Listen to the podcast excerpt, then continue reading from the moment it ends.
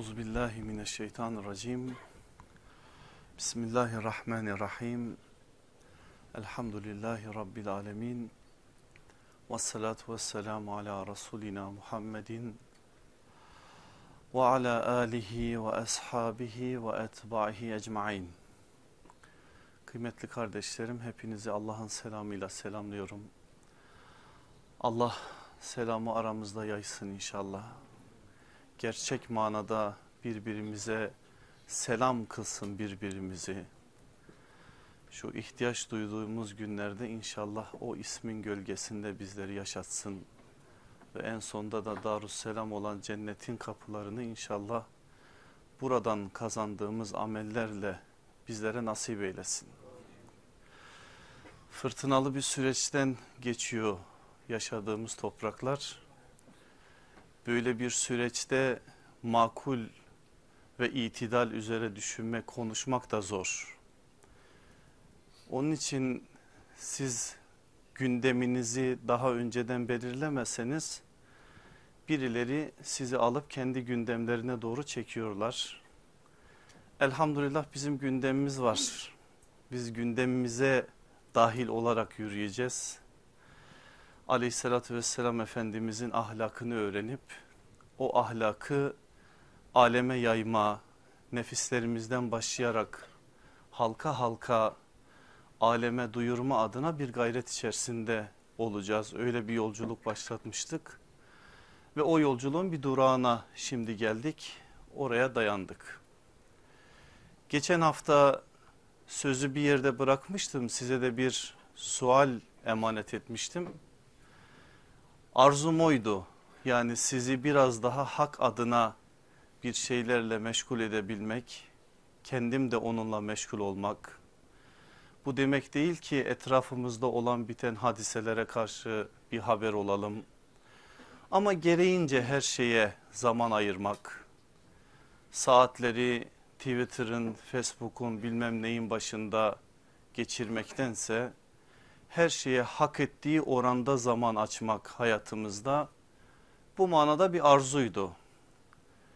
Aleyhissalatü vesselam Efendimizin son günlerinde, son demlerinde ümmetinle özellikle ashab-ı kiram efendilerimizle tam 10 yılı aşkın bir zaman neredeyse 10 yıl 2-3 ay diyebileceğimiz bir zaman diliminde medeniyetin temellerini attığı Mescid-i Nebevi'deki son buluşmasında haklara ait bir hassasiyet üzere konuştuğu, hutbe verdiği o önemli tablo içerisinden bir sahabi efendimizi sormuştum sizlere. Bulan varsa el kaldırsın desin ki hocam ben buldum falanca diye ve ben o ismi almış olayım sizden buyurun. Ukaşe radıyallahu anh diyor kardeşimiz. Evet Hazreti Ukaşe o tabloda var ama Hazreti Ukaşe hak talep eden isim değil. Aleyhissalatü vesselam Efendimizin bedeninden hak talep eden birisi. Yani maddi talepte bulunan birisi değil. Biz özellikle üç dirhem ya Resulallah alacağım var deyip o alacağını alan sahabi efendimizin üzerinde durmuştuk. Dolayısıyla Hazreti Ukaşe o tabloda var ama başka bir parçasında var. O, ondan dolayı da o suali doğru kabul edemeyeceğiz. Başka bilen var mı? Kim? Yok Ebu Sufyan değil. Ebu Efendim? Sel Selman-ı Farisi de değil. Tahmin etmeyin. Hocam ben buldum ve şu isim yoksa söylersek eğer yüzlerce sahabi adı sayarız beraberce. Evet Kürşad. Evet. Yok. Mesele var zaten isim yok. Hadiseyi bir daha hatırlayalım. Aslında ben size ipuçları verdim ama e, o ipuçlarının üzerinde biraz duracaktınız. Oradan yola çıkabilirdiniz. Neydi o? Sahabenin edebinden bahsetmiştik. Eğer bir tablo içerisinde sahabenin bir yönüyle ismi farklı bir biçimde zihinlerde kalabilecek şekilde yansımışsa orada sahabe-i kiram efendilerimiz isim nakletmezler. Falan sahabi filan sahabidir. Bedevinin biri geldi falancası geldi filancası geldi. Bedevi kavramı da her zaman için öyle kötü bir kavram olarak kullanılmaz. Köylü insan içinde kullanılır. Hal böyle olunca ashab-ı kiram efendilerimiz bir tablo aktaracakları zaman eğer o tablo içerisinde olumsuz bir şey varsa onun diğer nesillere aktarımı konusunda isimler üzerinde bir şeyler oluşmasın hassasiyetiyle isim nakletmezler. Şimdi Efendimiz aleyhissalatü vesselamın o son anlarında altı tane sahabi efendimiz konuşuyor aslında peygamberimizle. Onlardan bir tanesidir Ukaşe ve biz onu biliyoruz. Çünkü o tabloda Hazreti Ukaşe çok güzel bir biçimde Efendimizin karşısında olmuştur. Evet hak talep etmiştir. Onun bedenine öpücü kondurmuştur. Bu konuda da Resulullah'ın taltifine ve orada bulunan ashab-ı kiram efendilerimizin de gerçekten takdirine mazhar olmuştur. Ama bazı sahabiler var ki mesela diyor ki içlerinden bir tanesi ya Resulallah diyor sen çok hassasiyetle hak üzerinde durdun. Ben de bir defasında 3 dirhem ganimet malından hakkım olmayacak miktarı almıştım. Neyi itiraf ediyor? Hırsızlık yapmıştım diyor. Efendimiz diyor ki niye yaptın peki bunu? İhanet ettiğim mi sen ihanet için mi bunu yaptın? Hayır ya Resulallah ihtiyacım vardı aldım diyor. Çabuk öde diyor Fadıl İbni Abbas'a ve 3 dirhemi de ona ödettiriyor. Biliyor muyuz bu şahsı? Bilmiyoruz çünkü tablo bakın görüyorsunuz. Birisi kalkıyor sahabiden ya Resulallah diyor benim üç tane hastalığım var. Hem tembelim hem cimriyim hem de çok uykucuyum. Bana dua et de Allah bu üç hastalığı da yüreğimden çekip alsın. Allah Resulü aleyhissalatü vesselam ellerini açıyor ve dua ediyor. Böyle bir ismi sahabi nakleder mi? Etmez. Bir başkası kalkıyor ya Resulallah diyor şimdiye kadar yüreğimde hep nifak sakladım. Ben Medine'nin münafıklarındanım diyor. Ama şimdi artık onu yüreğimden atıp gerçek manada sana iman etmek istiyorum diyor. Hazreti Ömer kızıyor ey falan diyor neden sen Allah'la kendi aranda olan sırrı insanların içerisinde faş ediyorsun açıklıyorsun. Dur Ömer diyor dur bugün farklı bir gün. Ve o anda o zata da Efendimiz aleyhissalatü vesselam dua ediyor. Allah'ın onun yüreğindeki nifakı gidermesi adına orada aleyhissalatü vesselam Efendimiz niyazda bulunuyor. İşte bu tablolardan bir tanesidir aslında o üç dirhem meselesi. Efendimiz aleyhissalatü vesselam ben de sizin gibi bir insanım. Aranızda bulunduğum süre içerisinde unutmuş olabilirim, yanılmış olabilirim, haksızca birinizin malından el malından almış olabilirim. İçinizden her kim böyle bir meselesi varsa benimle kalksın ve bu hakkını benden talep etsin diyor. Sahabede ses yok. Efendimiz diyor ki ey insanlar duymadınız mı beni? Dünyanın alçaklığı ahiretin alçaklığına göre daha ah, iyidir, daha faziletlidir ben Rabbimin huzuruna birinizin hakkı benim boynumdayken gitmek istemiyorum. Her kimde böyle bir hak varsa benden almaları beni sevdiklerinin işaretidir. Sallallahu aleyhi ve sellem ne olur sözlere dikkat edin. Benden almaları beni sevdiklerinin işaretidir. O halde her kim alırsa benden hakkı ahirette bana yakın olacaktır. Ve Resulullah teşvik ederek o zatı kaldırıyor ayağa. O zat kalkıyor ayağa ya Resulallah diyor falanca gün senin yanına bir fakir gelmişti bir şeyler istemişti sende yoktu ben de senin adına vermiştim üç dirhem o fakire vermiştim herhalde unuttunuz diyor Resulullah sallallahu aleyhi ve sellem anında Fadıl üç dirhemi ödediyor ve ödetiyor. Ne söylüyor bunlar bize? Sahabenin ismi olsa da olmasa da değişen bir şey yok. Ben biraz zihinlerimizde kalsın. Bu kul hakkının mesele, kul hakkı meselesinin ne kadar ağır bir mesele olduğunu, Resulullah'ın giderken bile nasıl bir feryatla gittiğini, ashabla görüştüğü o son tabloda bile bunu gündem etmesinin sebebini ve hikmetini zihinlerimize şöyle bir nakşetmek için aslında size bunu emanet ettim. Yoksa ismi bilsek ne olur bilmesek ne olur. Önemli olan buradaki mesajdır ve Resulullah'ın son demlerindeki o çırpınışıdır. Allah'ım sen beni ve buradaki bütün kardeşlerimi bir başkasının hakkıyla huzuruna alma. Bizi mahcup etme ya Rabbi. Aynen Resulullah sallallahu aleyhi ve sellemin dediği gibi varsın bu dünyada karizma çizilsin, rezil olalım, alaya alınalım ama birinin hakkıyla senin huzuruna gelmeyelim. Sen bizleri muhafaza eyle ya Rabbi. Amin velhamdülillahi rabbil alemin. Evet kıymetli kardeşlerim bugünkü dersimizin başlığı peygamberimizin düşman olduğu kişi. Aslında biraz sonra aktaracağım hadisi size. Peygamberimizden ziyade Allah düşman bu bahsedeceğim kişiye. Hadis bir kutsi hadis. Bukhari'de geçen bir kutsi hadistir. Allah ben hasmıyım diyor. Üç sınıf sayacak şimdi. Ama benim özellikle ser levhaya aleyhissalatü vesselamı almamın nedeni şudur. Efendimiz bu hadisin gölgesinde öyle bir yaşamıştır ki Allah'ın düşman olduğuna o da bir ömür düşman olmuştur. Ve bu düşmanlığı hayatın çeşitli alanlarına da yaymıştır Efendimiz.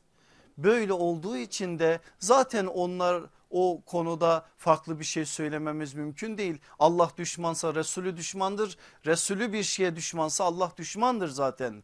Ama özellikle hadis kutsi bir hadis olmasına rağmen Allah ben düşmanım demesine rağmen bizim buradan Resulullah'ın düşmanlığını öne çıkarmamız Efendimiz aleyhissalatü vesselamın bir ömür bu çerçevede yürümesinden dolayıdır. Şimdi gelin bu hadisi bir okuyalım. Bukhari'nin icara babının 10 numaralı hadisi Bukhari'de mükerreren kullanılır. Başka yerlerde de var ben direkt buradan verdim. Hadisi bize rivayet eden Ebu Hureyre radıyallahu anhu o diyor ki Allah Resulü aleyhissalatü vesselam şöyle buyurdu. Efendimiz de diyor ki Allah buyurdu ki işte buradan zaten kutsi hadis olduğu anlaşılıyor. Üç sınıf insan vardır ki kıyamet günü ben onların hasmıyım düşmanıyım. Ben kime düşman olursam ona davacıyım. Davacı olduğum bir insan da davayı kaybeder diyor Rabbimiz. Ve üç sınıfı sayıyor dikkat buyurun. Bu üç sınıfın birincisi benim ismimle yemin edip sonra ahdini bozan. İkincisi hür bir kimseyi köle olarak satan ve parasını yiyen. Üçüncüsü bir işçi tutup çalıştırdıktan sonra ücretini tam olarak vermeyen. Üç tane şey söyledi hadis bize. Üçü de haklarla alakalı ve kul haklarıyla alakalı. Ama bizim bugünkü asıl dersimiz asıl konumuz işveren ahlakı olduğu için üçüncü sınıf bizim de serlevhamızı belirleyen o düşman sınıfı oluşturuyor. O neymiş? Bir işçiyi çalıştırıp ücretini tam olarak vermeyen. Bunu yapana Allah ne yapıyormuş? Düşman oluyormuş ve onun düşman olduğunun olduğuna akıbet olarak neyin ulaşacağını da hadis bize beyan ediyormuş. Allah bizleri bundan da muhafaza etsin. Şimdi biz bu hadisin gölgesi altında yürüyeceğiz. Ve hayatın her alanında her anında tartışılmaz bize rehber olan aleyhissalatü vesselam efendimizin mesele aile hukuku olmuş, mesele komşuluk hukuku olmuş, mesele ticaretin farklı alanları olmuş, Mesela devletler ahlakı devletler hukuku olmuş. Mesela savaş alanı olmuş mesela barış alanı olmuş hiç fark etmez. Tartışılmaz rehber olan aleyhissalatü vesselam efendimizin bu alanda bize söylediklerinin üzerinden işveren ahlakını çıkarmaya çalışacağız. Ve gerçekten de işin en ideal halini anlamaya çalışacağız. Siz bu meseleyi Resulullah sallallahu aleyhi ve sellem dışında hangi beşerden dinlerseniz dinleyin. Eğer o beşer işverense işverenin lehine konuşacak İşçi ise işçinin lehine konuşacak. Kendisi hayatın hangi alanındaysa ve hangi alanından kendisine doğru bir akış varsa söylemi de davranışı da onun üzerinden şekillenecek. Ama biz beşer sultanının dilinden konuşuyoruz şimdi. O evet hayatının bir döneminde işverendi bir döneminde işçiydi ama bunların üstünde işin en doğrusunu en kamilini en ideal olanını bize söyleyerek gitti. Ve bu konuda uygulama sahasında da çok önemli şeyler söyledi. Aziz kardeşlerim bugün işveren ahlakını bir dahaki ders işçi ahlakını işleyeceğiz ya. Aslında ikisinin de Resulullah'ın söyleminde özellikle şimdi sizinle paylaşacağım hadislerde göreceksiniz Mesele ister işçi ahlak olsun ister işveren ahlak olsun temelini Kur'an'dan alarak Allah Resulü aleyhissalatü vesselamın üzerine bina ettiği hakikatleri göreceğiz. Ve bu hakikatler bugünün dünyasında hayatın neresinde olursak olalım bize yön verecek, bize ufuk verecek ve bizi ahlakın en kamiline doğru sevk edecek inşallah. Ama sakın ben şimdi işverenden bahsedeceğim diye içimizdeki bazı kardeşlerimiz yukarıda beni dinleyen hanım kardeşlerim bizimle ne alakası var biz işveren falan değiliz deyip kendi üzerlerinden atmasınlar. Hayır hepimiz hayatın içerisinde bir yönüyle işçiyiz bir yönüyle işvereniz. Bunun ille de ticaret alanında bilinen manada olması gerekmiyor. Bakın mesela bizim fıkhımız bu konuda iki tane temel meseleyi önümüze getirir. Eciri has ve eciri müşterek. Mesele uzun ama ben sadece birer cümle söyleyeceğim. Eciri has bizim bildiğimiz işçidir. Yani belli bir zaman vardır o zamana bağlı olarak belli bir ücret vardır o ücretini alır o eciri hastır belli olan kesinlikle ortada olan ücret üzere çalışan işçiler. İster bu kamuda olsun ister bu özel sektörde olsun ister bu başka alanlarda olsun. Ama eciri müşterek belli bir işi belli bir ücret karşılığıyla almaya denir. Bu manada mesela diyelim ki sizin hukukta bir işiniz var bir avukata ihtiyacınız var. Avukatla aranızdaki münasebet aslında bir yönüyle işveren işçi münasebetidir. Bir eşyayı tamir ettireceksiniz bir ustanın yanında. Oradaki işlem eciri müşterektir.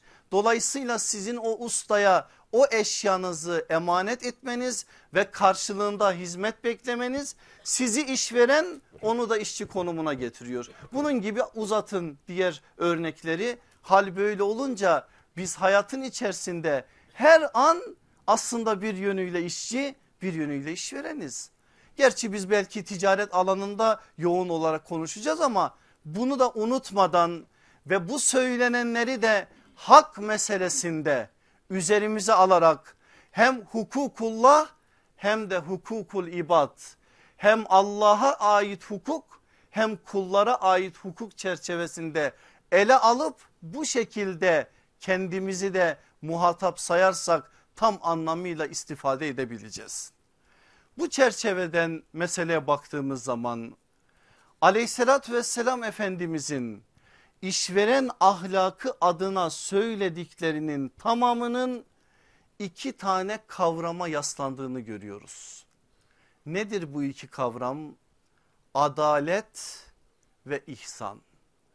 Allah Resulü aleyhissalatü vesselam Kur'an'da da geçen biliyorsunuz Nahl suresinin 90. ayetleri Allah ebeden razı olsun Ömer İbn Abdülaziz'in hutbelerimize taşıdığı ayettir. Orada Allah adaleti ve ihsanı emrediyor. Akrabaya yakın bakmayı da emrediyor. Üç şeyi de yasaklıyor. Ama özellikle bizim konumuz itibariyle Resulullah sallallahu aleyhi ve sellemin biraz sonra size aktaracağım sözleri, beyanları, uygulamaları işveren ahlakının iki temel esasının olduğunu bize söyler. Adalet ve ihsan üzere olduğunu da ortaya koyar. Adalet nedir? Adalet bugün bugünün bazı insanların ifade ettiği gibi eşitlik değildir. Eşitlik bazen zulümdür. Adalet hak ettiğine hak ettiğini vermektir. Dolayısıyla bizdeki adalet anlayışı Kur'an'ın ve Resulullah'ın bize takdim ettiği adalet anlayışı haklar üzerine bina edilir. Peki biz bir tarafta adaleti konuşur konuşmaz işveren ahlakı için hemen karşısına ihsanı koymamızın anlamı nedir? Çok önemli bir anlamı var. Nedir o anlam? İşverene diyor ki işçine hak ettiğini ver bir de ötesini ver. Ötesini verirsen eğer iman ettiğin peygamberinin sana bu konuda çerçevesini çizdiği sınırların içerisinde olabilirsin. Dolayısıyla adalet ve ihsan beraberce yürütülmesi gereken iki kavram olarak önümüzde duruyor. Mesele işveren ahlakı meselesi olunca. Temelde bu iki şeyi unutmayalım. Gelin Resulullah sallallahu aleyhi ve sellemin kutlu beyanları ve uygulamalarının üzerinden ben size beş tane cümle emanet edeyim. Sonra o beş tane cümlenin altını beraberce doldurmaya çalışalım. Ne diyor Efendimiz aleyhissalatü vesselam uygulama ve beyanlarıyla? Bir, işi ehil olana vermeli, ehliyet ve liyakati her şeyin üzerinde görmelisin. En başta bu yazamayanlar için bir daha tekrar edeceğim. İki, merhameti ilişkilerinin temeli olarak belirlemeli, menfaat öncelikli değil merhamet öncelikli olarak yürümelisin. İşveren ahlakından bahsediyoruz ilkeleri konuşuyoruz bakın. Üç, yaptığın işi sevmeli, ekmek kapına saygılı olmalı ve bunu çalışanlarına yansıtmalısın. Dört, işçilerinin haklarına riayet etmeli, beklentilerini itidal çizgi, çizgisine çekmeli, ücretlerini işin başında belirlemeli ve kesinlikle zamanında ödemelisin. Beş, işçilerini mümin kardeşlerin ya da olmaya aday muhatapların olarak bilmeli, kardeşlik hukukunu sonuna kadar işletmelisin.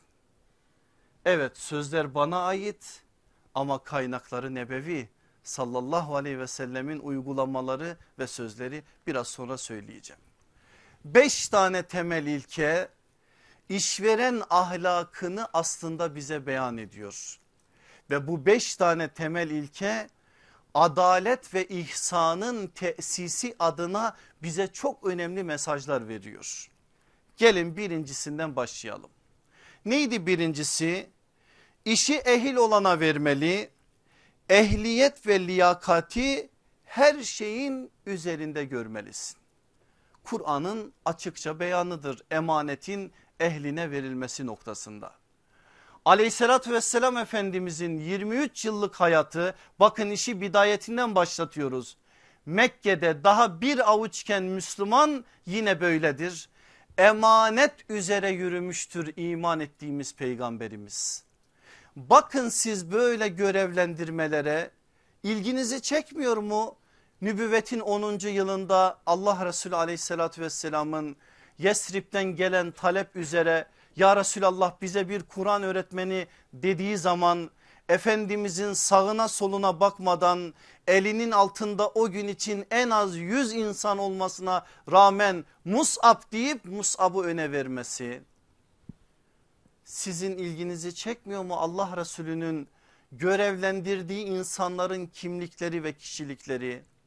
Hazreti Ebu Bekir'i ve Hazreti Ömer'i bir kez olsun sıcak çatışmanın olduğu bir savaş meydanına komutan olarak göndermeyip kendi bir yönüyle evlatlığı olan Zeyd bin Harise'yi on küsür kez kılıcı eline verip savaş meydanına göndermesi.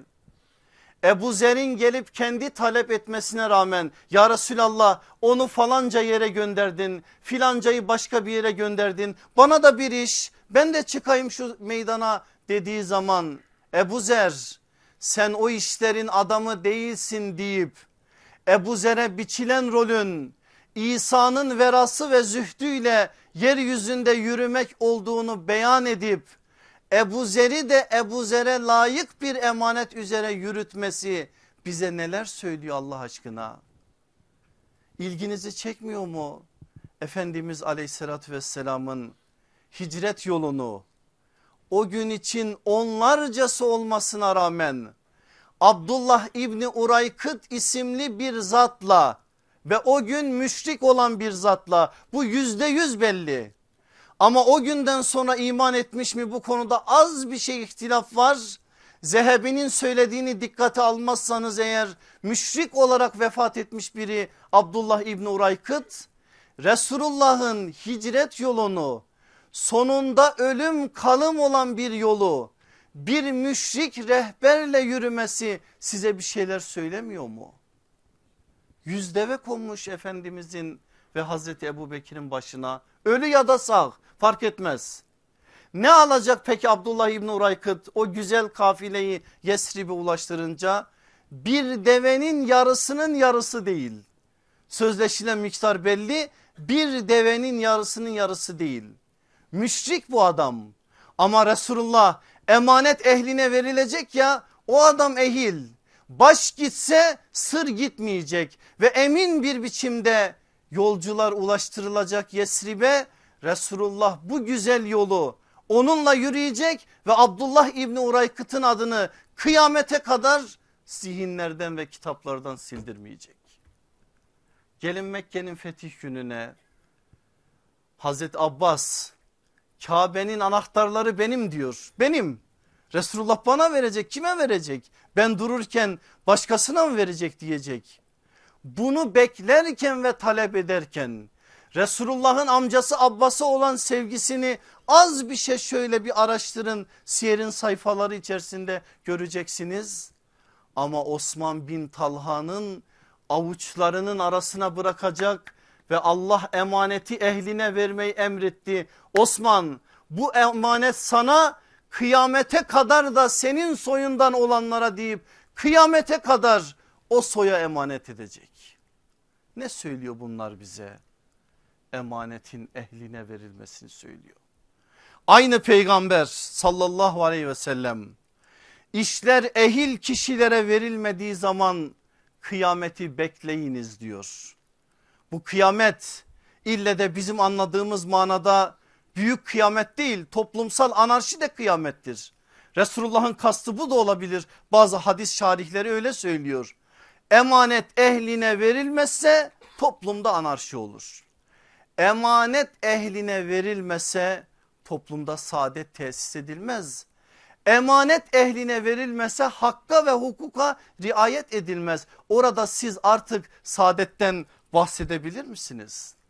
Bakın Allah aşkına bakın sizin iman ettiğiniz peygamberiniz ne diyor?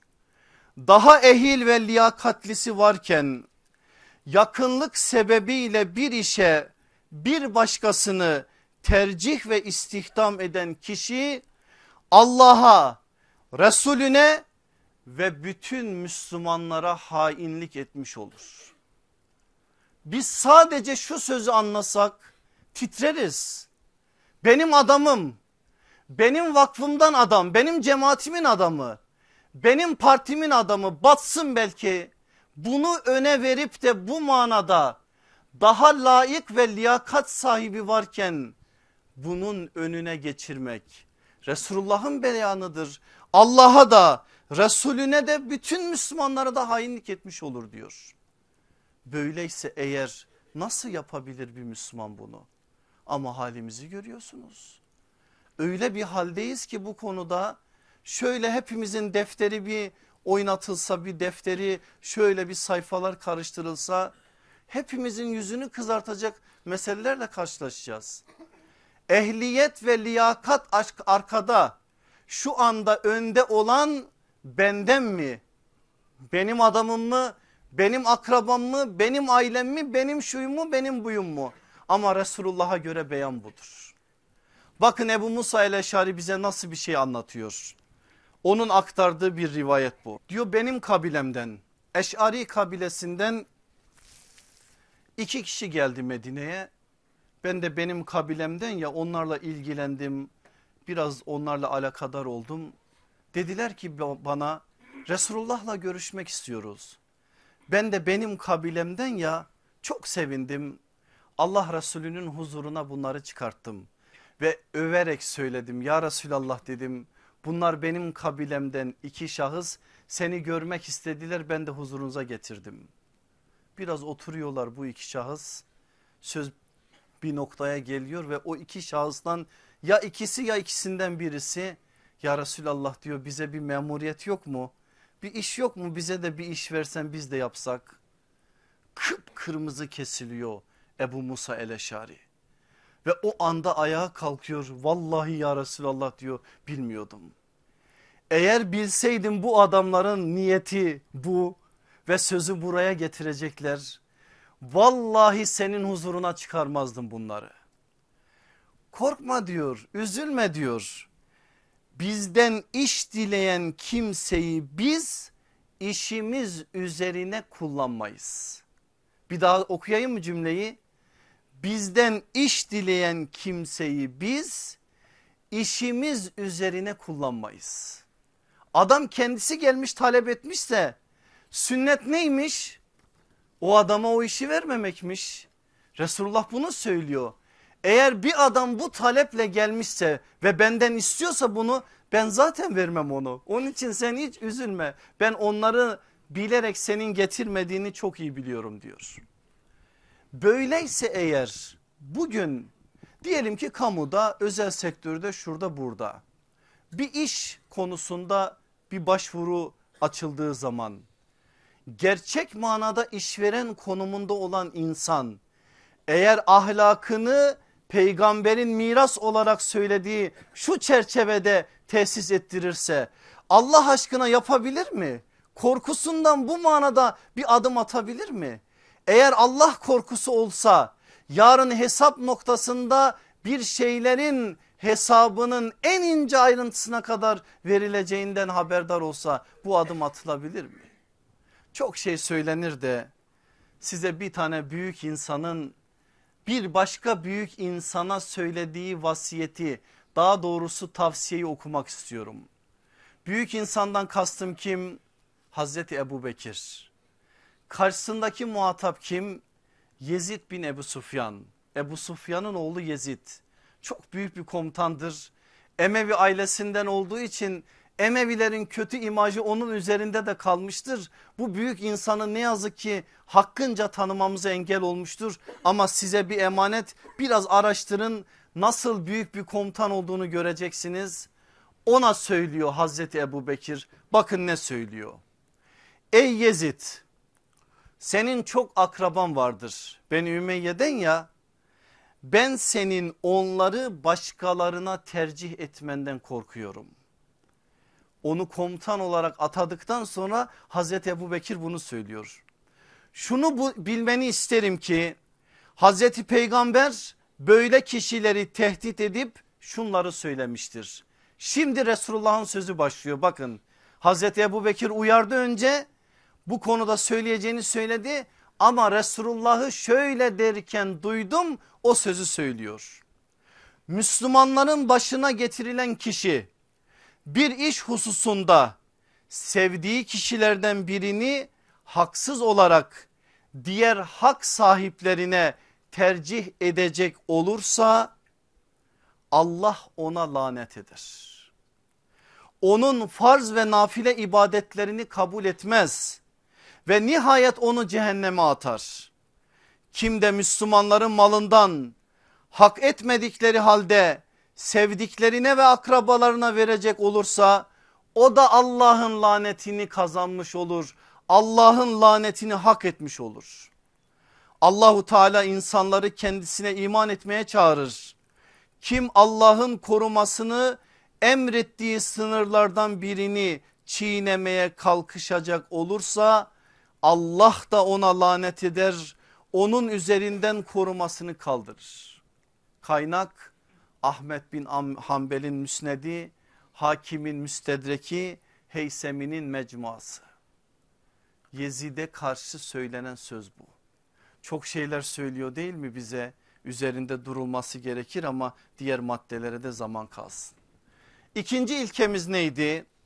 Merhameti ilişkilerinin temeli olarak belirlemeli. Menfaat öncelikli değil merhamet öncelikli olarak yürümelisin. Merhametin talim ve terbiye sahasında ne kadar önemli olduğunu defaatle benden duydunuz. Çünkü Resulullah çokça bu mesele eğildiği için biz de her seferinde talim ve terbiye mesele olduğu zaman bundan sözü açıyoruz. Aynı şey işverenle işçi ahlakı açısından da geçerli. Burada da temelde merhamet olmalı. Anaca bir merhamet menfaati öncellemeyen bir merhamet. Eğer böyle olursa oradaki iş alanında nasıl bir hukukun nasıl güzel bir havanın nasıl bir atmosferin şekilleneceğini siz tahayyül edin. Bir örnek vereyim size. Resulullah sallallahu aleyhi ve sellemi işveren olarak düşünün 10 küsür yıl Resulullah'ın yanında kalan Enes bin Malik'i de işçi olarak düşünün. Çünkü onun adı nedir zaten?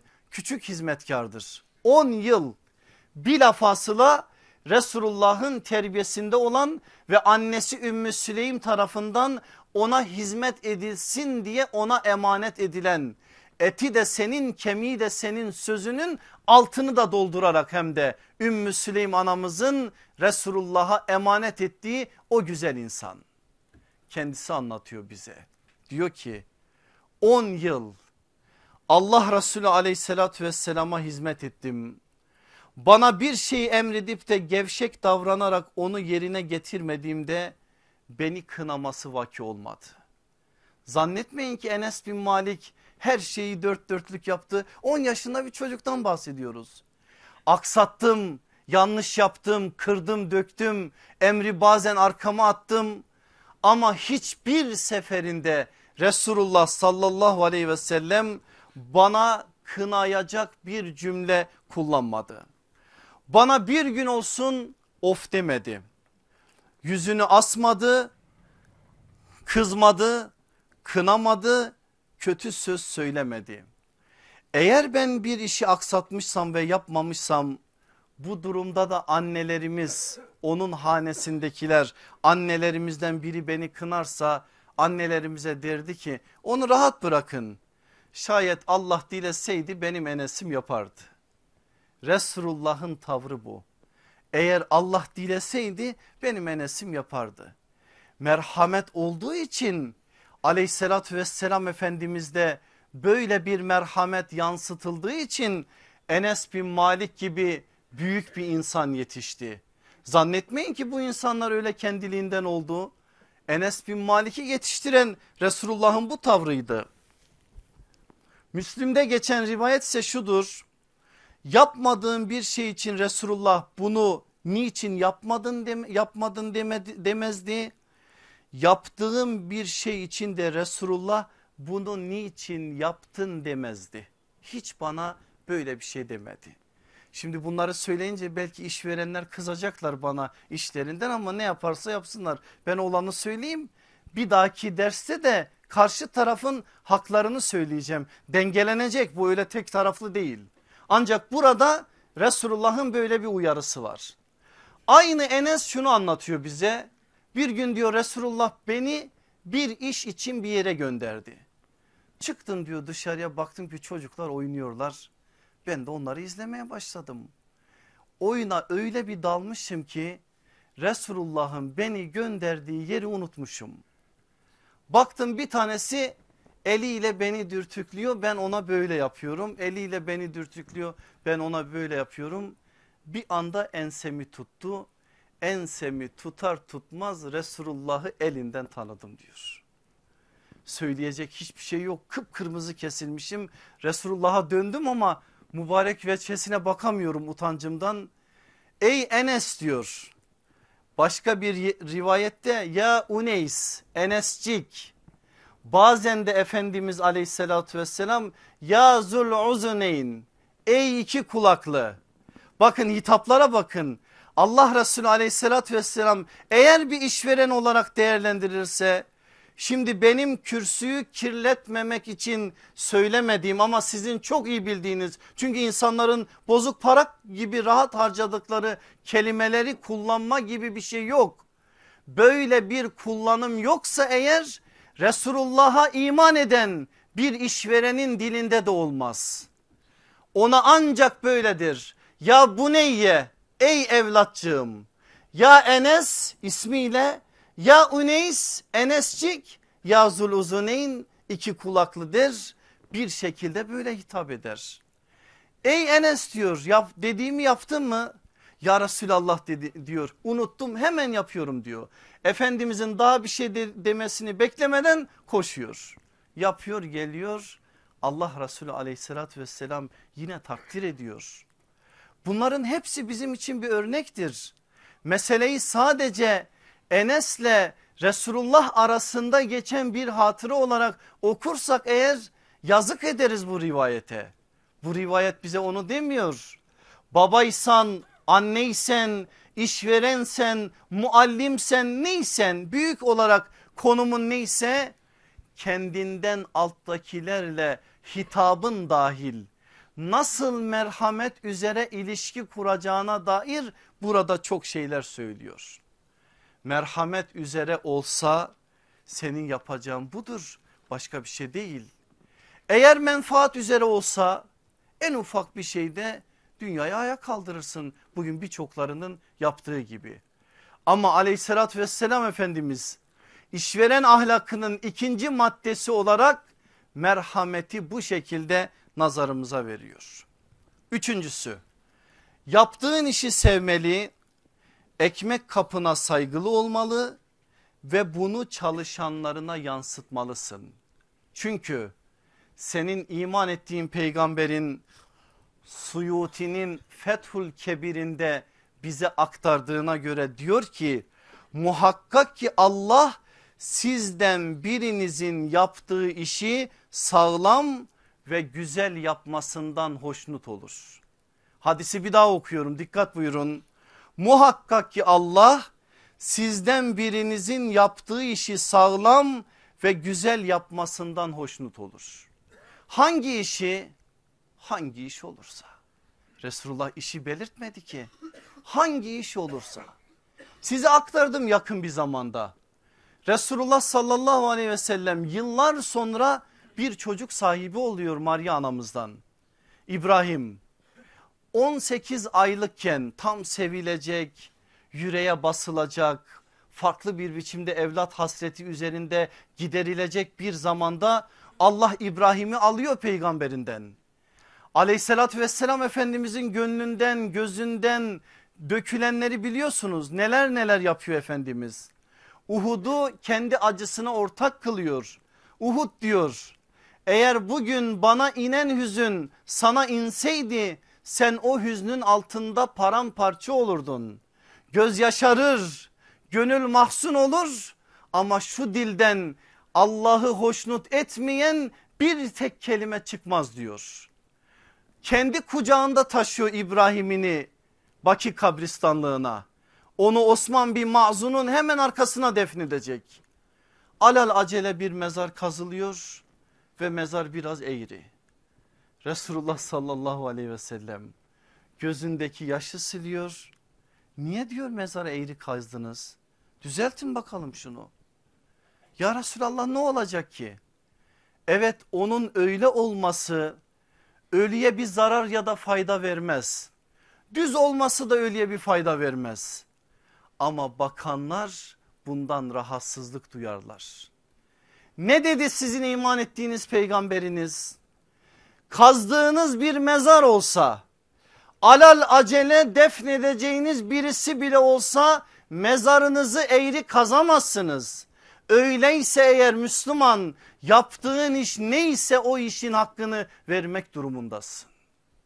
Bakkalsın, manavsın, fabrika sahibisin, şusun busun fark etmez. Bir Müslüman senin iş yerine girdiği zaman burada Müslüman eli var demeli. Şöyle her şey düzgün, nizami, insan girince hoşlanıyor. Bir temizliğin kokusu insanın yüzüne vuruyor böyle bir ferahlıyor. Burada bir Müslümanın eli var dedirtecek kadar işini sağlam yapmalısın. Ya buradan ben bizim acımıza, acılarımıza getirsem sözü bana, bana kızar mısınız? Bazen gidiyorum öğrencilerimizin evlerine. Pişman oluyorum gittiğimize. Hani bizim öğrencilerimiz devlet kuracaktılar. 80 metrekare evi yönetemiyorsun. 80 metrekare eve girdiğin zaman rutubet kokusu şöyle yüzüne çarpıyor. Yataklar dağınık, mutfak başka bir dert. Biz mi cihana yön vereceğiz? 200 metrekarelik vakfı biz temizlemekten aciziz. Temizlik konusunda, nizam konusunda dertlerimiz var. Biz mi bu halde nizama alem vereceğiz? Boşuna mı demiş büyüklerimiz aslan yattığı yerden belli olur diye. O zaman kusura bakma burada aslanlar yatmıyor. Burada başka bir şey yatıyor onu ben bilmiyorum. Ama derdimiz var bu konuda. Müslüman neyi yapıyorsa neyi hangi işse öğretmense öğretmen öğrenciyse öğrenci işçiyse işçi işverense işveren neyse hakkını verecek o işin. O iş bir Müslümanın elinden çıktığı belli olacak. Nizam, intizam, düzen bu manada bir Müslümanın şiarı olacak. İş mi yapıyor işveren mi? İşinde bunu yansıtacak. Kendi ekmek kapısına saygılı olacak ki yanında çalıştırdığı da saygılı olsun. Sen bunu yansıtmadığın zaman karşıdakinden beklemeye hakkın yok. Sen bunu yapacaksın yansıtacaksın ki karşıdan da o manada yansıma bulabilesin. Dördüncüsü işçilerinin haklarına riayet etmeli, beklentilerini itidal çizgisine çekmeli, ücretlerini işin başında belirlemeli ve kesinlikle zamanında ödemelisin. Bakın üç şey söyledim aslında. Haklara riayet, beklentilere itidal bu ikisi birdir. Ücretlerin belirlenmesi, ücretlerin zamanında ödenmesi. Üçünü de birer cümleyle açalım. Birincisi neydi? Haklara riayet, beklentilere itidal. Bu konuda ciddi sıkıntılarımız var. Hep size bugün sıkıntıları anlattım. Konu öyle olduğu için yapacak bir şey yok. Beklenti konusunda öyle bir problem yaşıyoruz ki hep üst düzey beklentilerde bulunduğumuz için bugün bugün aile arasındaki ilişkilerde evlat ebeveyn ilişkilerinde muallim talebe ilişkilerinde ve konumuz olan işçi işveren ilişkilerinde beklentinin itidal çizgisinde olmamasından kaynaklanan sıkıntılar var. Evlenmiş beyimiz kendisinde peygamber aleyhissalatü vesselamın ahlakından iz yok. Karşı taraftaki hanımdan Hatice anamızın rolünü istiyor. Beklenti böyle. Bir yerde bir şey yapmış bir iş yapmış ortaklık yapmış. Kendisinin aklında zihninde 40 tane dalavere dönüyor affedersiniz karşısından dürüstlük bekliyor. İşçi almış yanında çalıştırıyor. Adamdan beklentisi süpermen. İstiyor ki 10 parmağında 10 hüner olsun. Şunu yapsın bunu yapsın böyle davransın şöyle davransın. Böyle bir şey yok ki. Böyle bir şey yok. Bu beklentinin itidal çizgisine girmesi gerekir. Eğer bunu itidal çizgisine çekersen beklentini üst düzeyde tutmazsan hayal kırıklığına da uğramazsın. Çünkü itidal dengedir. Her şeyin dengesi, her şeyin en güzel halidir. Allah Resulü aleyhissalatü vesselam da bir yönüyle denge peygamberidir. Sen de onun ümmeti olarak işini dengeli olarak yapıp beklentilerini de bu çerçevede belirledikten sonra işi halledersin. Dolayısıyla hakların tesisi adına da beklentinin itidal çizgisinde olması önemli bir şeydir. İkincisi neydi? Ücretlerin belirlenmesi. Müslüman işçi aldın yanına çalıştırıyorsun değil mi? Hele çalış biraz bakalım deme. Bu, bu doğru bir şey değil. Hele bir görelim biraz. Hele bir başla sonra konuşuruz. Bunlar doğru şeyler değil. Bak senin peygamberin ne diyor? Kim bir işçi çalıştırırsa ona işin öncesinde ücretini bildirsin.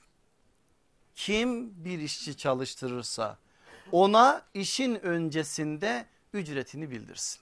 Söyle adamın işine gelirse yapsın gelmezse yapmasın.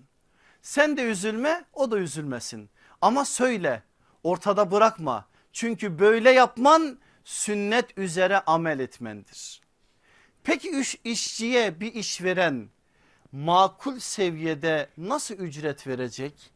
Onu belirleyecek olan şey nedir?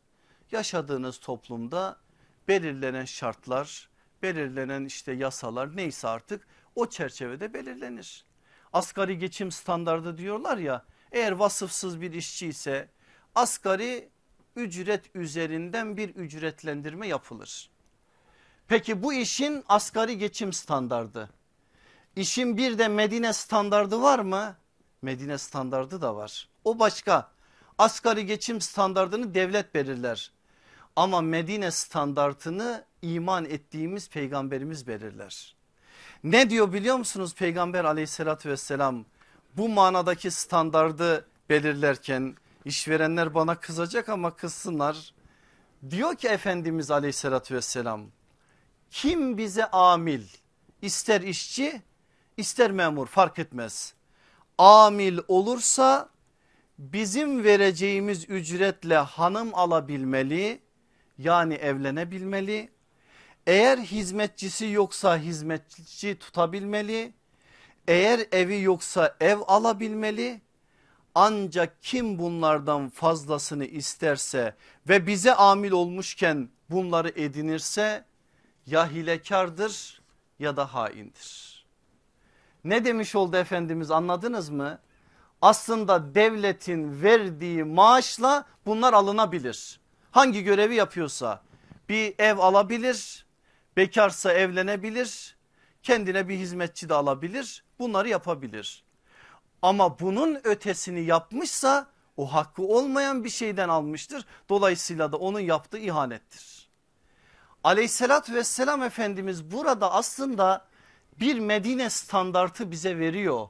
Şu anda işin yönetme kısmında olanlar da buradan aslında bazı mesajlar almalılar. İdeal olanı budur. Çalıştırdığın işçi elde ettiği maaş ile en azından evlenebilmeli, evini geçindirebilmeli, bir ev sahibi olabilecek kadar tasarrufu olmalı, şu olmalı bu olmalı.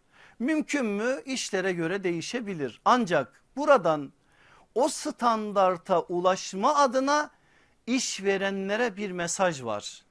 Ev alamıyorsun yapma ama yanında yıllardır çalışmış bir işçin var. Onu evliliğe teşvik et. Onu evladın olarak gör. Nasıl ki senin evladın 20 yaşını geçtikten sonra evlilik konusunda sıkıntı yaşıyorsa sen o işveren olarak hani merhamet üzere yürüyecektin ya o merhametten kaynaklanan bir çerçeveyle o insanı evliliğe teşvik et. Evlilik adına adım attı düğününe el uzat. Evlendi artık onun bakmakla yükümlü oldukları insan sayısı arttı. Sen onun muhasebecisi ol. Verdiği kirayı hesapla, yol parasını hesapla, yiyeceğini hesapla, şunu hesapla, bunu hesapla. Vereceğin makul bir ücretle onun başka şeylerle meşgul olmasına engel ol. Medine standartına kavuşmak böyledir. Bir anda olmaz ama bir süreçtir. Olmuş mu peki tarihte? Olmuş. Mesela o standartı en üst düzeyde yaşayan bir isim Ömer İbn Abdülaziz Allah kendisinden ebeden razı olsun. Ne diyor biliyor musunuz? Bizim zamanımızda her herkesin barınacağı bir evi hizmetçisi düşmana karşı yararlanacağı bir atı ve ev için gerekli eşyası olmalıdır. Dikkat buyurun sözün devamına. Bu imkanlara sahip bulunmayan kimse borçlu sayılır ve zekat fonundan desteklenir. Medine standardı bu. Allah senden ebeden razı olsun ey ikinci Ömer. Allah senin gibileri inşallah İslam toplumuna kazandırsın.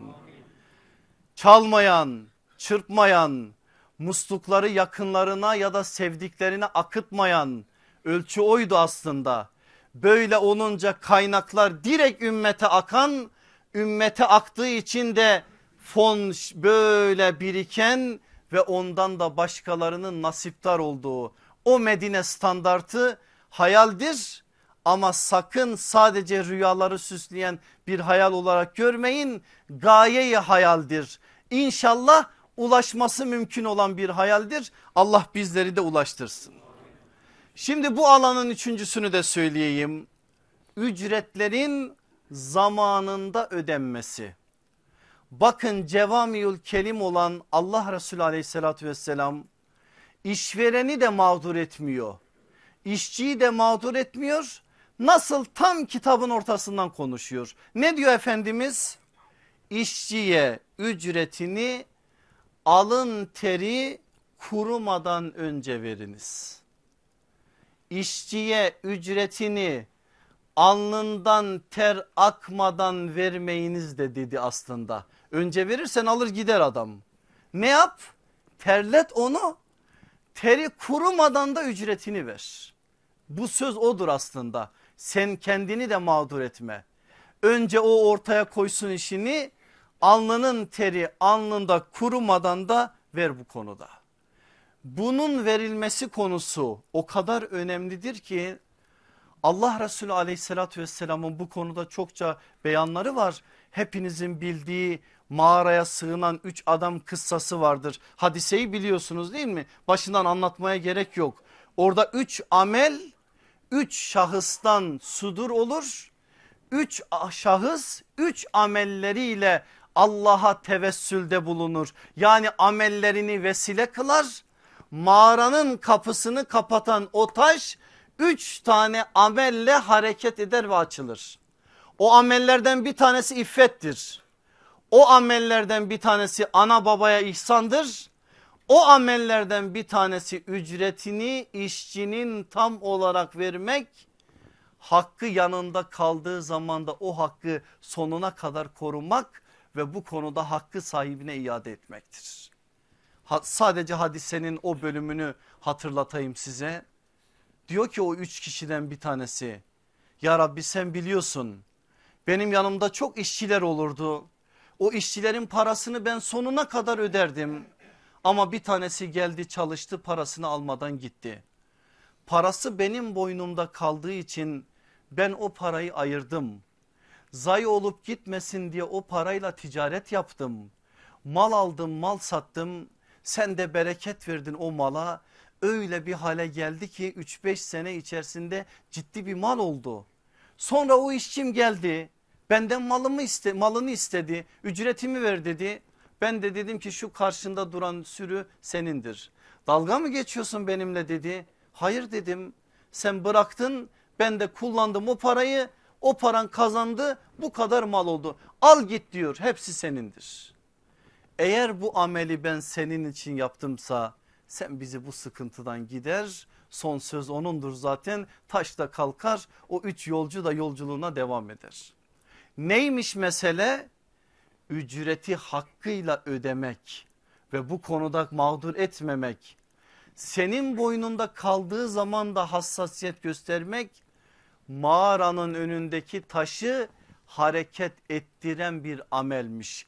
Bunu bil ona göre ücretlerin zamanında ödenmesi konusunda hassas ol. Yanında kaç tane işçi çalışıyorsa bayramdır seyrandır şudur budur.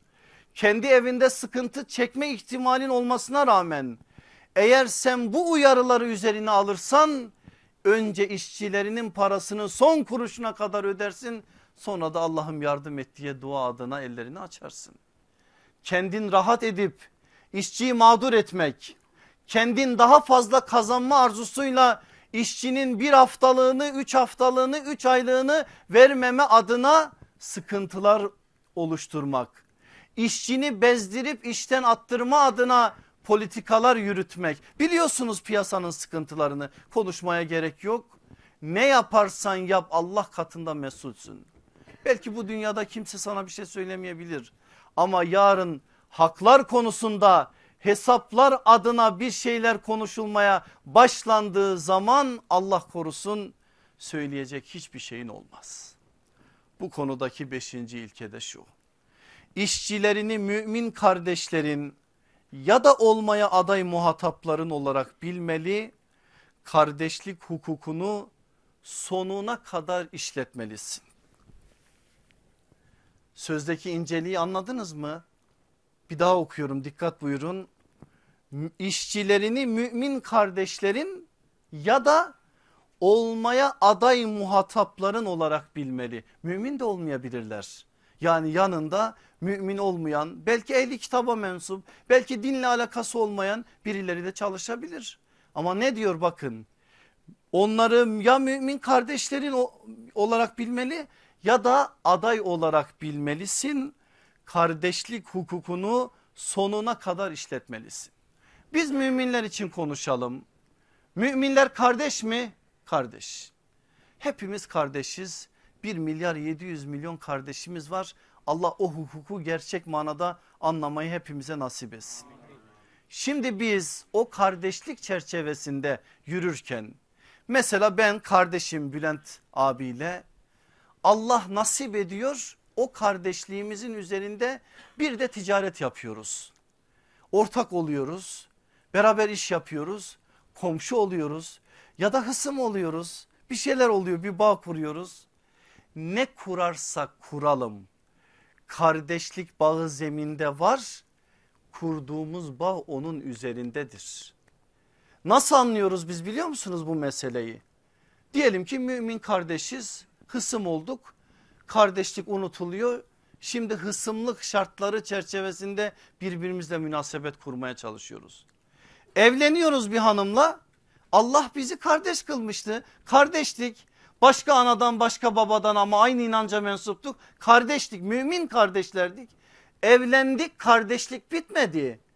O kardeşliğin üzerine bir de Allah bizi koca hanım yaptı. Yani hukuk yürüyor zeminde ama ne yapıyoruz biz anında ikinci bir, bir bağ kurar kurmaz birincisini çekiyoruz alttan. Alttan çektiğimiz için de bina yıkılıyor. Korunmuyor. Çünkü Allah o kardeşliği önce istiyor bizden. Onu kur üstüne ne kurarsan kur önce o olsun. Ve hangi bağı kurarsan kur o kardeşlik üzerine kur. E biz dün aynı davaya inanan insanlardık. Beraber yan yana bir sürü mücadele ettik, rüyalar anlattık birbirimize. Neler neler söyledik. Allah bana ikram verdi sana vermedi. Üniversite bitti hayata atıldık. Sen zarar ettin ben kazandım. Allah bana büyük bir fabrika nasip etti. Sen de geldin benim yanımda işçi oldun. Ne oldu? O, onlar bitti dostluk bitti arkadaşlık bitti her şey bitti. Şimdi yeni kurulan bağ üzerinden mi bir bağ var. Yoksa onlar var evet bir de bu var ve her şey kuralına göre o da kuralına göre. Ama zeminde kardeşlik olsa mesele çözülecek. Ne dedi aleyhissalatü vesselam Efendimiz? Vallahi insanlık tarihinin en büyük sözlerinden bir tanesidir bu. Bir Müslüman karşısındaki Müslüman için kendisi için istediğini karşıdaki Müslüman için istemezse kamil manada iman etmiş olamaz. Bunu diyen bir peygamberimiz var. Sen bunu zeminde tuttuğun zaman hangi bağı kurarsan kur bugünkü ifadeyle empati diyorlar ya empati yaparsın kendini koyarsın onun yerine ben onun yerinde olsaydım üç tane çocuğum olsaydı evim kirada olsaydı bu paraya geçinir miydim sorardım ben sormak zorunda kalırdım ben onun yerinde olsaydım o benim yerimde olsaydı ben onun yanında çalışan bir işçi olsaydım acaba münasebetim nasıl olurdu sorardım sordururdu bu söz bana. Çünkü ben kamil imanı elde etme adına bu sözü sormak zorunda kalırdım. Ama sen onu çekip aldınca arkadaş o bitti o sayfa kapandı. Şimdi gel işi kuralına göre oynayalım dediğim zaman sıkıntılar başlar. Ben kuralsız davranalım demiyorum. İnşallah meramım anlaşılıyordur. Zeminde o olsun ama üstüne kuracağımız her bağ da yine kuralına uygun olsun. İşçilere ait şeyleri zaten bir dahaki ders söyleyeceğim. Şunu bir kere bir Müslüman kesinlikle zihninden, hayatından, yüreğinden silmeli. İşçi olsun, işveren olsun. Başka izimlerin söylediği işçiler kardeş, patron biliyorsunuz gerisini söylemeyeyim ben. Bu söz bir Müslümanın sözü değildir. İşçiler kardeş, işverenler de kardeş. Bir Müslümanın söyleyeceği sözdür. Biz sosyalist, komünist falan filan değiliz ki onların dilinden konuşalım. Böyle bir mülkiyet düşmanlığı yapamayacağımızı da geçen ders söyledim mülkiyet ahlakı dersinde. O bilgi de zihnimizde duruyorsa eğer bizim bundan aykırı bir şey yapmamız mümkün değil. Bakın Allah Resulü aleyhissalatü vesselam Bukhari'de geçen yine Bukhari'nin birkaç yerinde ama ben size ıtk babının 16 numaralı hadisini söyleyeyim.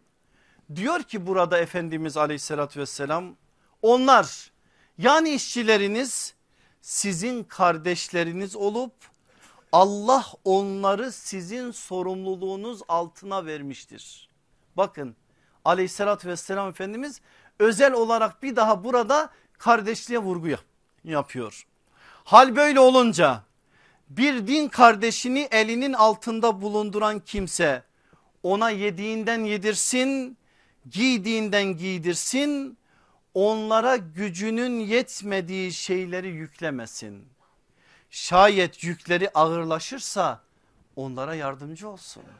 El uzatsın. Allah Resulü aleyhissalatü vesselam böyle çerçeveyi çiziyor. Bu hadisi bize rivayet eden kim? Şöyle bir tahmin edin. Hazreti Ebu Zer. Bu hadisi neyin üzerine bize söylüyor biliyor musunuz? Hadiseyi biliyorsunuz. Hazreti Bilal Efendimiz onun yanında çalışandır. Bir dönem artık ortak bir iş mi yapmışlar? Öyle Hazreti Ebu Zer çok fazla mal mülk sahibi olan birisi değil. Geçen ders söyledim ama beraberce çalışmışlar. Nasıl olmuşsa o iş anında kızmış Hazreti Ebu Zer. Sus demiş siyah kadının oğlu. Uskut yebne sevda sus demiş siyah kadının oğlu. Hazreti Bilal hiçbir şey söylememiş. Varmış gitmiş Efendimiz'e ya Resulallah demiş. Ebu Zer'le aramızda şöyle bir şey geçti. Ebu Zer bana böyle bir şey söyledi. Çabuk çağırın Ebu Zer'i bana. Ebu Zer geliyor. Allah Resulü'nün huzurunda. Ey Ebu Zer sen kardeşim Bilal'e böyle bir şey mi söyledin? Cevap verecek takati kalmamıştır Hazreti Ebu Zer'in hiçbir şey söyleyemiyor. Ey Ebu Zer sen kardeşini renginden dolayı ailesinden dolayı kabilesinden dolayı kınayıp böyle bir söz mü söyledin? Senden halen cahiliye kokusu geliyor. Bu söz cahiliye sözüdür. Bir insanın ırkından dolayı, mensubiyetinden dolayı, toprağından dolayı, renginden dolayı kınamak, aşağılamak cahil adamın sözüdür. Cahiliye sözüdür bu. Diyemezsin arkadaş Çingenelere laf uzatamazsın. Romenler böyle diyemezsin. Kürtler böyle diyemezsin. Türkler böyle diyemezsin. Bu Araplar hep pis diyemezsin. Hakkın yok bunu demeye. Hakkın yok. Eğer peygamberinin bu sesini duyuyorsan hakkın yok. Hazreti Ebu Zer bitiyor orada. Çıkıyor geliyor. Hazreti Bilal'in evine başını koyuyor eşiğe.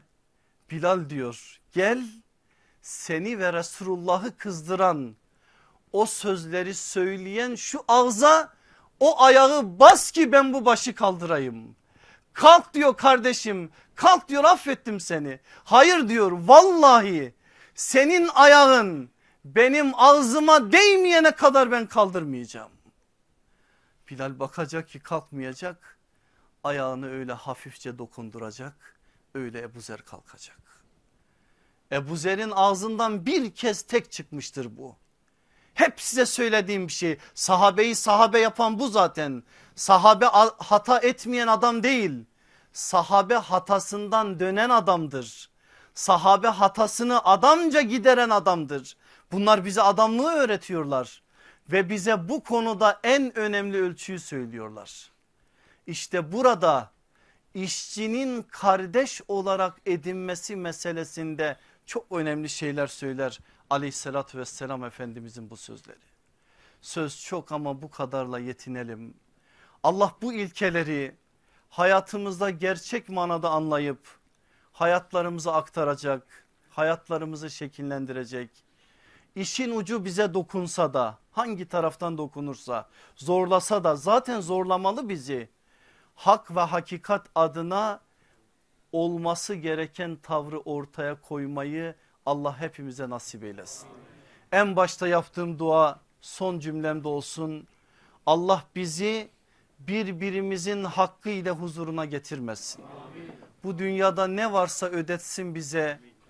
Bizleri kendi huzuruna aldığı zaman falancanın filancanın hakkı deyip de mahcup eden olanlardan etmesin.